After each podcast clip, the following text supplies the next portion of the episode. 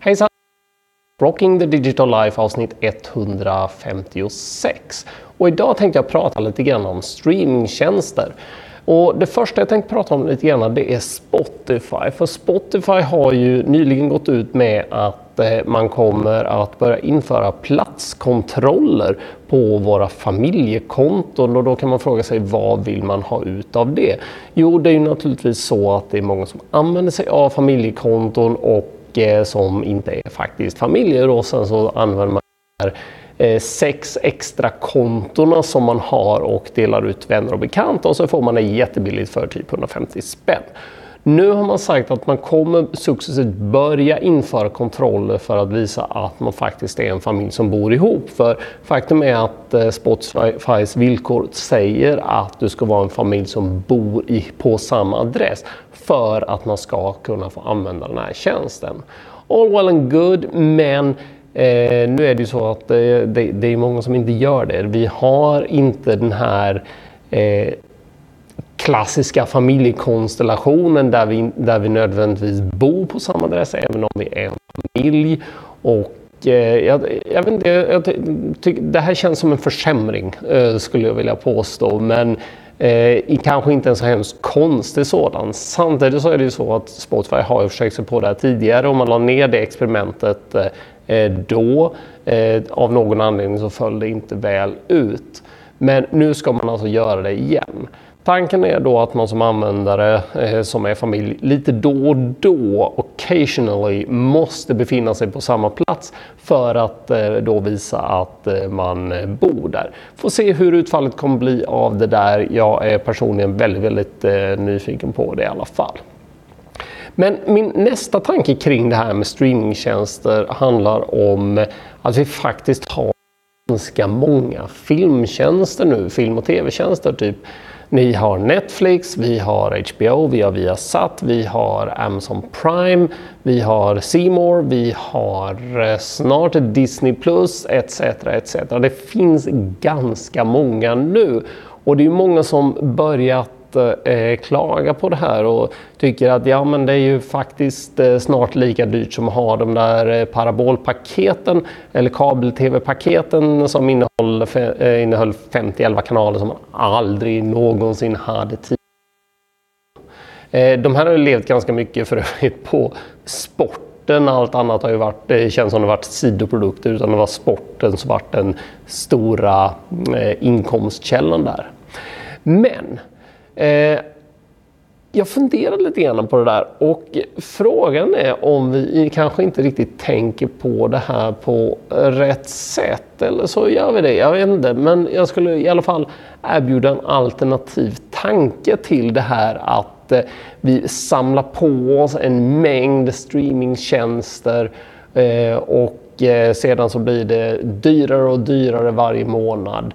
Men det finns ju faktiskt en skillnad till jämfört med de eh, klassiska eh, kabel-tv-kanalerna.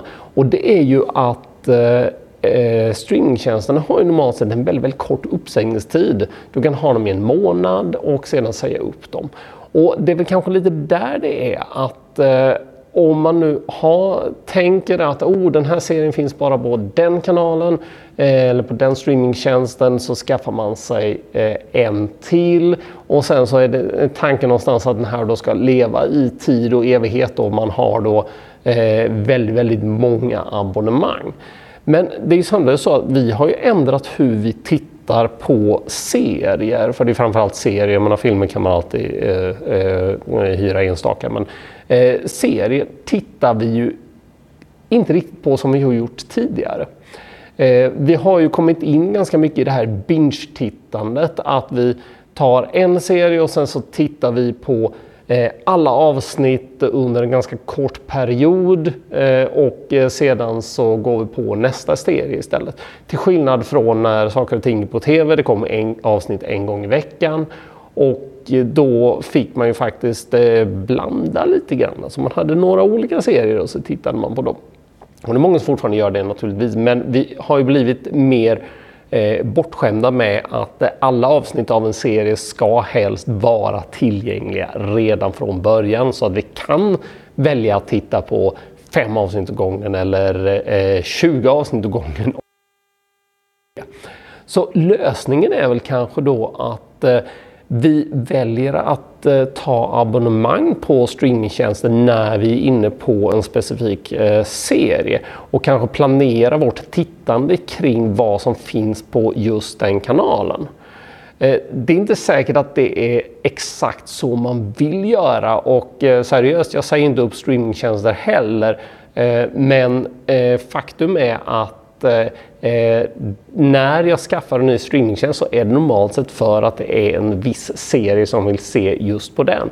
Och sen när den serien är färdigtittad, när jag ska klar på den, då skulle jag ju faktiskt kunna sätta stopp och inte ha den tjänsten fram tills dess att det är någonting annat. På så vis hade ju mina månadskostnader gått ner ganska drastiskt. Jag hade kanske kunnat hålla mig till en tjänst. Eh, för mig är det Netflix som fortfarande är någon slags eh, bas där för det finns så sabla mycket roligt att titta på där och eh, man kan alltid trilla tillbaka på Family Guy om man har tråkigt någon gång så att, så att Netflix är bra för mig. Men oavsett vad man väljer, om man väljer att ha en sån där bastjänst eller inte så kanske vi inte ska räkna med att vi gör det här på det gamla sättet längre. Att vi har massvis med kanaler som alltid är tillgängliga utan vi kanske istället ska vara mer selektiva och välja på vad ska vi titta på just nu? Och så väljer vi att ha det abonnemanget just då. Och sen går vi på ett annat istället. Jag menar, korta bindningstider. Kom igen, utnyttja det. Använd framtiden. Anyway, det här var Rocking the Digital Life. Ni hittar det på Facebook, ni hittar det på Youtube, ni hittar det på ställen där ni hittar podcasts och är det någonstans som ni tycker att det borde finnas där det inte finns så säg till mig så ska jag se ifall jag kan få dit det. Ha det fantastiskt bra nu så hörs vi igen. Hej!